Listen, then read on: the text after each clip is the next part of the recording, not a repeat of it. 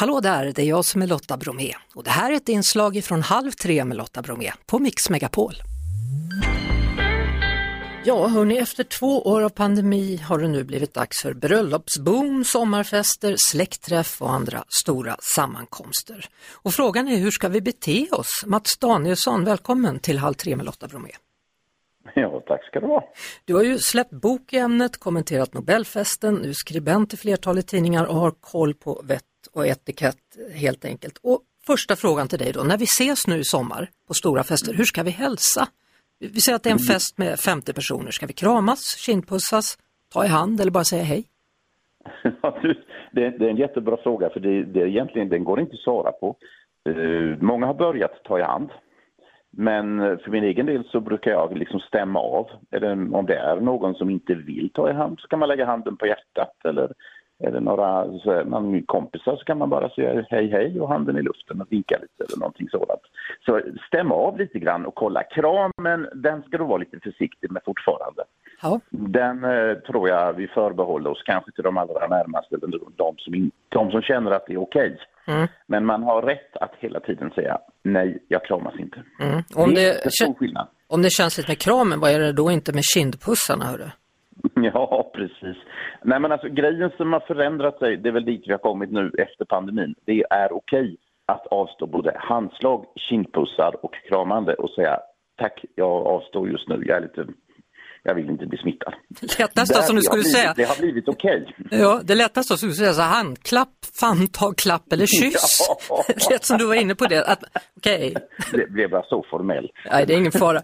Ska vi ta, apropå eh, det formella då, eh, det talas ju om bröllopsboom i sommar. Vi tar klädkoden här, högtidsdräkt, vad ska man ha på sig då? För henne långklänning, alltså frack eller eh, frackklänning eller som man kan ibland folkmun, balklänning för honom, frack, vit väst. Ja. Eller ju då i det fallet när det är bröllop. Det är alltid vit väst på fracken till herrarna när det är dans och kvinnor med. Smoking? Smoking, eh, då kan man ha i olika nivåer och hon kan ha sin klänning som kan vara både kortare och då får den inte vara, då kan den vara både vid och glittrig. Men är den längre så måste den vara lite tydligare och ankellång, dock icke golvlång. Och när det gäller mannen så behöver man inte kommentera det så mycket, men den ska vara svart. Och den ska ha eh, vit skjorta och den ska ha svart fluga. Mm. Sen har vi den mörka kostymen. Mm, då ska den vara för mannen mörkt, mörkt blå alternativt mörkt, mörkt grå. Svart är egentligen förbehållet begravningstillfällen, men det är ju många som säljer den idag. Och för henne så är det faktiskt Coco Chanels lilla svarta som är förebilden. Ja. Kan man ha den, eh, klänningen ska ha en längd under knät. Helst inte ersättas med några byxor. Eh, är det en eh, säga, mer formell tillställning så kan man dra ner den i ankellängd. Smoking eller aftonklänningen och smokingklänningen som vi nyss pratade om och mörka kostymklänningen liknar varandra rätt så mycket. Mm. Sen har vi kavaj. Ja, kavaj har ju idag ersatts utav mörk kostym. Förr hette ju kavaj mörk kostym. Så jag brukar säga det, det viktiga är när man skriver kavaj på inbjudan då ska man själv kanske vara lite lättsammare klädd. Man behöver inte ha den mörka kostymen eller man kan, kan ha udda byxor och så. Men man ska, som gäst kan man alltid komma i mörk kostym eller motsvarande klänning som jag nyss nämnde. Mm. Eh, vad är ditt allra bästa tips egentligen för en bra fest?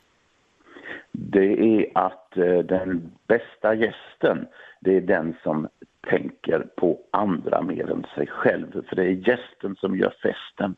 Och så ska värdfolket tänka på de gäster man har mer än att roa sig själv.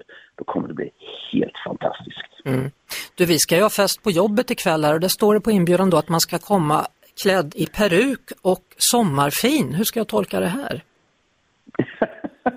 ja, eh, egentligen så ska jag säga som det är. Jag hatar, ja peruk det råder ju ingen som helst tvekan om. Men Nej. sommarfin, ja, vad är det? Jag avskyr, jag avskyr dem. Ja men det kan ju vara, gillar du, gillar du gå i bikini och det är sommarfint så kör, kör för det. Jag tänkte, jag Eller tänkte... tycker du om att gå i sneakers så kör för det. Vad är sommarfin för dig? Frågar du en 14-åring så kommer ju han eller hon ha en helt annan åsikt än vad en, en 60-årig farbror som jag är.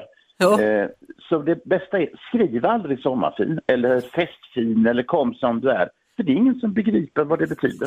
Skriv Jo, om man får Kom välja. i peruk och rosa klänning. Jaha, ja peruk i alla fall tar jag med mig men sen kör jag nog vita linnebyxor, jag tror det funkar. Ja, du kan välja precis vad du vill för Härligt. det finns ingen klädkod för det. Tack ska du ha Mats Danielsson. Tack själv Lotta. Vi hörs såklart på Mix Megapol varje eftermiddag vid halv tre. Ett poddtips från Podplay. I fallen jag aldrig glömmer djupdyker Hasse Aro i arbetet bakom några av Sveriges mest uppseendeväckande brottsutredningar. Går vi in med hemlig telefonavlyssning och, och då upplever vi att vi får en total förändring av hans beteende. Vad är det som händer nu? Vem är det som läcker? Och så säger han att jag är kriminell, jag har varit kriminell i hela mitt liv men att mörda ett barn, där går min gräns. Nya säsongen av Fallen jag aldrig glömmer på Podplay.